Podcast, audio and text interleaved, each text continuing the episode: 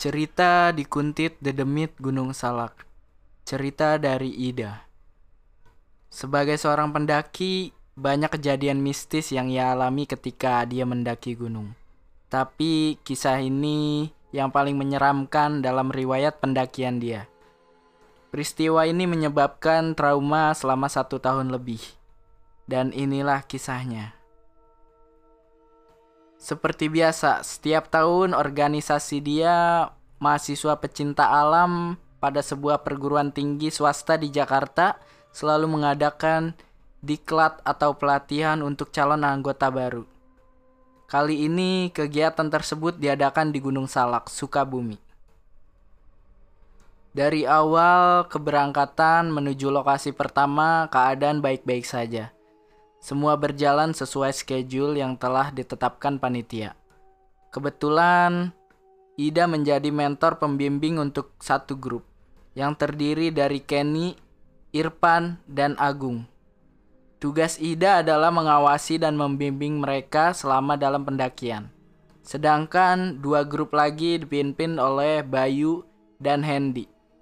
Jumlah peserta termasuk senior dan panitia tak kurang dari 20 orang. Perjalanan menuju lokasi pendakian pertama ditempuh sekitar 2 km. Itu pun baru tahap pemanasan. Para catas, istilah untuk calon anggota, harus berjalan sejauh 2 km dengan membawa beban carrier rata-rata 9 sampai 12 kilo per orang.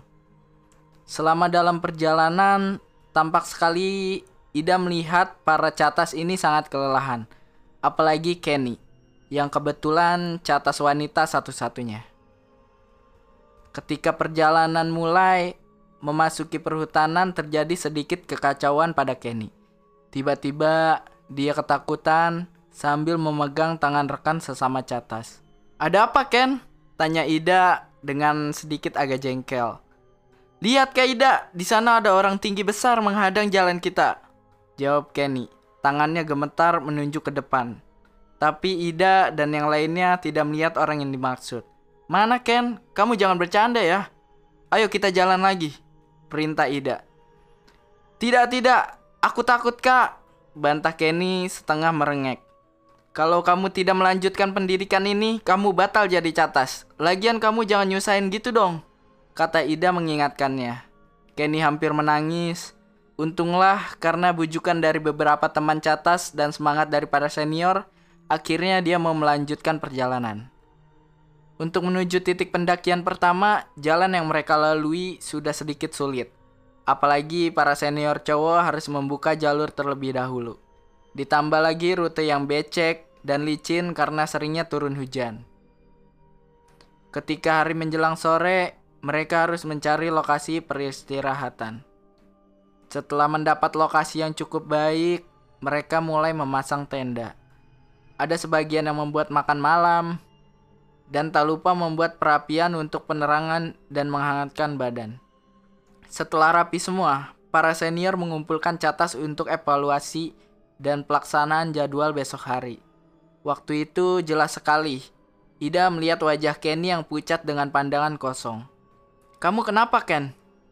Tanya Ida kepada Kenny diam saja. Untuk kedua kalinya, Ida bertanya, Heh, ngapain kamu bengong saja? Masuk nggak tuh pelajaran? Bentak Jawir sebagai panitia pelaksana lapangan. Lalu Kenny tersentak kaget. I iya kak. Setelah evaluasi selesai, para catas dipersilakan kembali ke tendanya masing-masing. Begitu juga dengan para senior. Namun, belum sampai setengah jam mereka beristirahat, tiba-tiba terdengar suara Kenny berteriak keras. Tolong! Sontak mereka berhamburan keluar menghampiri tendanya. Ada apa yang terjadi? Mereka melihat wajah Kenny berubah menyeramkan. Matanya melotot ke atas. Ketika salah satu seorang dari mereka menanyakan keadaannya, tiba-tiba Kenny malah tertawa keras. Namun itu bukan suara tawanya yang asli. Tawa itu seperti suara seorang lelaki. Lebih aneh lagi, Kenny juga bisa tertawa dengan suara wanita cekikikan, mirip malampir dalam sinetron. Akhirnya mereka sadar kalau Kenny kerasukan. Siapa kamu ini sebenarnya? Tanya Jawir yang memang paling senior dari mereka. Kenny tertawa dengan menyeringai. Aku yang punya tempat ini.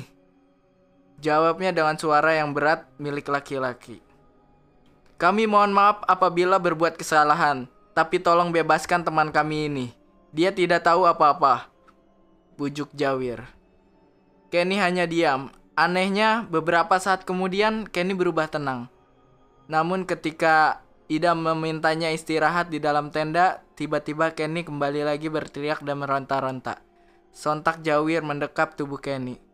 Bahkan karena takut terjadi sesuatu, mereka bersepakat mengikat kaki dan tangan Kenny. Ya, mereka takut Kenny akan lari dan masuk ke jurang. Sampai pagi harinya, mereka tidak tidur hanya menunggu Kenny yang sebentar-bentar kerasukan dan mengamuk. Namun karena schedule harus dilakukan, maka mereka harus berkemas untuk menuju lokasi berikutnya. Kali ini, rute yang mereka tempuh sangat sulit. Hujan yang turun mengakibatkan jalan setapak, becek dan licin, sehingga mereka harus ekstra hati-hati. Karena sulitnya medan, perjalanan mereka jadi sangat lambat dan melelahkan. Akhirnya, mereka memilih berhenti ketika melihat Kenny tiba-tiba terjatuh. Beberapa peserta lelaki membopong tubuh Kenny yang terjatuh.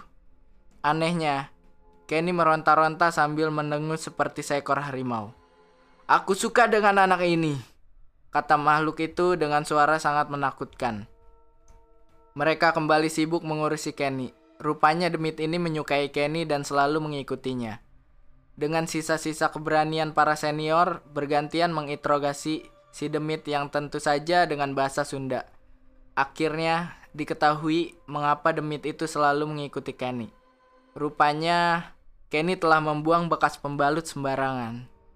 Demi tersebut sangat bandel, tidak bisa disuruh keluar. Hal ini memaksa Sapri, senior yang mengerti spiritual, mengusir dengan doa-doa. Tetapi tetap saja demit itu bersemayam di tubuh Kenny. Ida yang tak tega melihat Kenny langsung membacakan doa-doa di telinganya. Ketika baru selesai, tiba-tiba mata Kenny melotot ke arah Ida, sambil tertawa dengan suara lelaki menyeramkan. Kamu gadis cantik sekali, kata demit yang bersemayam dalam tubuh Kenny. Entah Ida menjauhi Kenny, karena dia sepertinya ingin menyentuh Ida. Dengan sigap pula Emma, teman seniornya, langsung menutup mata Kenny karena pandangannya tak lepas dari Ida. Karena keadaan Kenny yang tambah buruk, pendakian akhirnya ditunda. Mereka pun kembali membuka tenda, jadwal yang telah disusun tidak terlaksana dengan baik. Pagi harinya, tepatnya hari ketiga, mereka kembali lagi berkemas untuk menuju lokasi berikutnya. Sebelum keberangkatan, Hendy melihat ada seekor anjing berbulu putih di balik semak-semak. Aneh, kok ada anjing hutan menghampiri tenda kita? Tanya Hendy. Mungkin saja dia mencium makanan yang kita bawa, jawab Sapri. Tanpa menaruh curiga, mereka pun segera melanjutkan pendakian. Kali ini pendakian benar-benar sulit. Selain cuaca yang tidak mendukung karena hujan lebat, juga kondisi peserta yang mulai kurang fit. Hal yang tidak masuk akal, di tengah perjalanan dan derasnya hujan yang memaksa mereka harus ekstra hati-hati itu, Ida dikagetkan dengan kemunculan Kenny yang tiba-tiba berjalan dengan cepat dan sudah berada di depannya. Yang lainnya mana Ken? Tanya Ida tanpa menaruh curiga. Mereka masih jauh kak, Ayo, kita jalan duluan dan tetap semangat, Kak. Kata-kata Kenny ini membuat Ida heran dan penasaran. Namun, Ida hanya terdiam sambil terus berdoa memohon perlindungan kepada Yang Maha Kuasa. Akhirnya, Ida dan Kenny menyusul rombongan terdepan. Tapi Ida heran karena semak yang mereka pangkas untuk dilewati bisa tertutup kembali dengan sendirinya. Kita tunggu yang lainnya, kata Jawir yang sudah berhasil ia susul dengan Kenny. Tak berapa lama, rombongan paling belakang telah sampai. Bagaimana ini? Jalur yang sudah dipangkas kok bisa tertutup kembali? Tanya Jawir ke Eko sebagai ketua rombongan. Sudahlah, kita pangkas lagi di tempat yang tadi juga. Ujar Eko yang mencoba tetap tenang. Seringnya terjadi keanehan, membuat mereka harus berjalan beriringan jangan sampai terpisah jauh, karena takut terjadi hal yang tidak diinginkan. Sementara itu, sambil terus berdoa, tak sedetik pun pengawasan Ida lepas dari Kenny yang dilihat ada kejanggalan pada dirinya.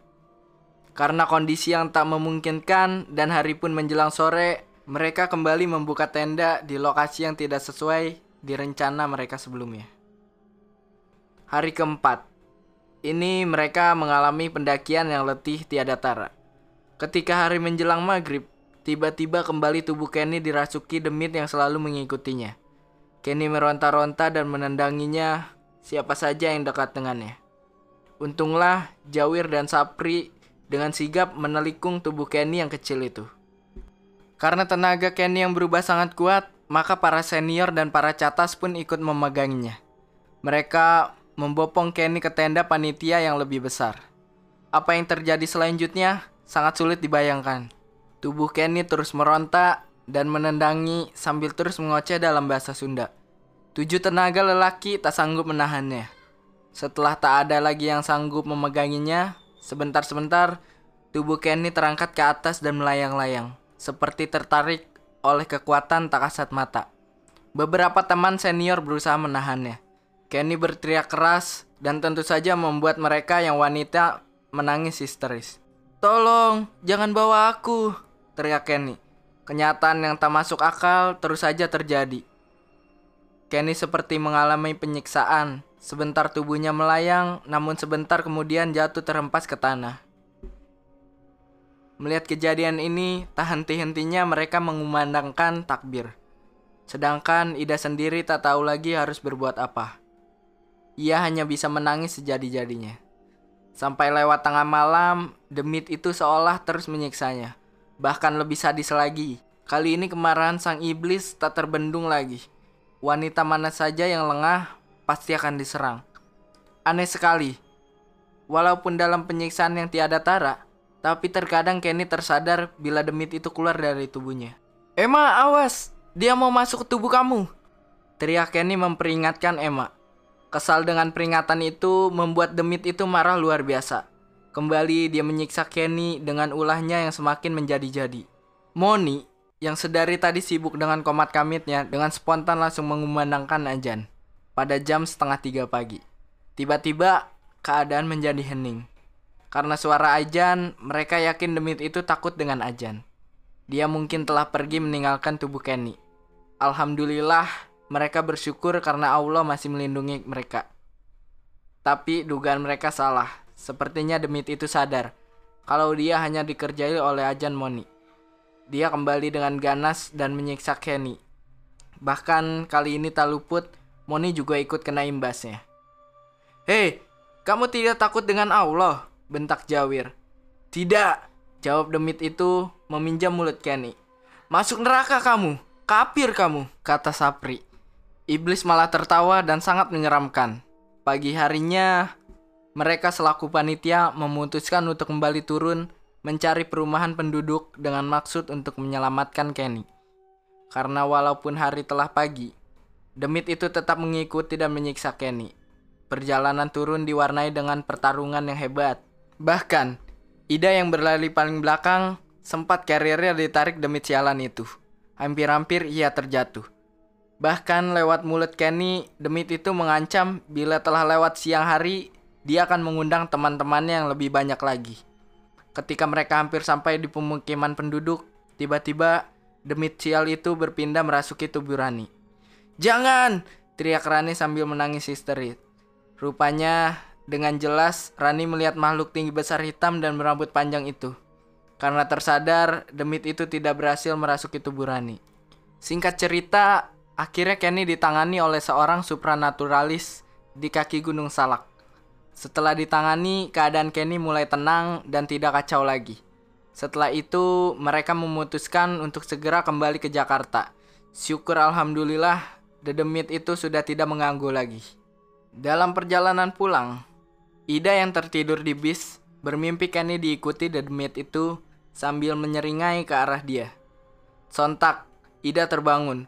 Rupanya Kenny kembali mengamuk di bis.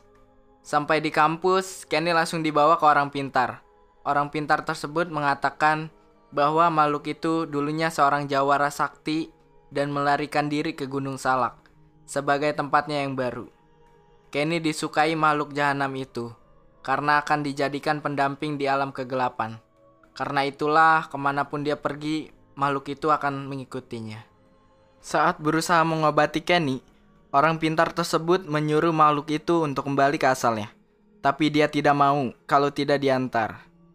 Tak satu pun teman-teman yang mau mengantar, karena mereka takut itu hanya jebakan saja. Dengan kejadian tersebut, selama satu tahun lebih, Ida merasa diikuti oleh makhluk itu. Sampai-sampai ke kamar mandi pun harus ditemani oleh kakak dan ibunya. Sampai kini, Ida tidak tahu bagaimana nasib Kenny selanjutnya. Namun, sempat kedengar kabar bahwa dia menjadi seorang muslimah yang taat. Mungkin hanya dengan pilihan ini dia bisa melakukan penyembuhan untuk dirinya.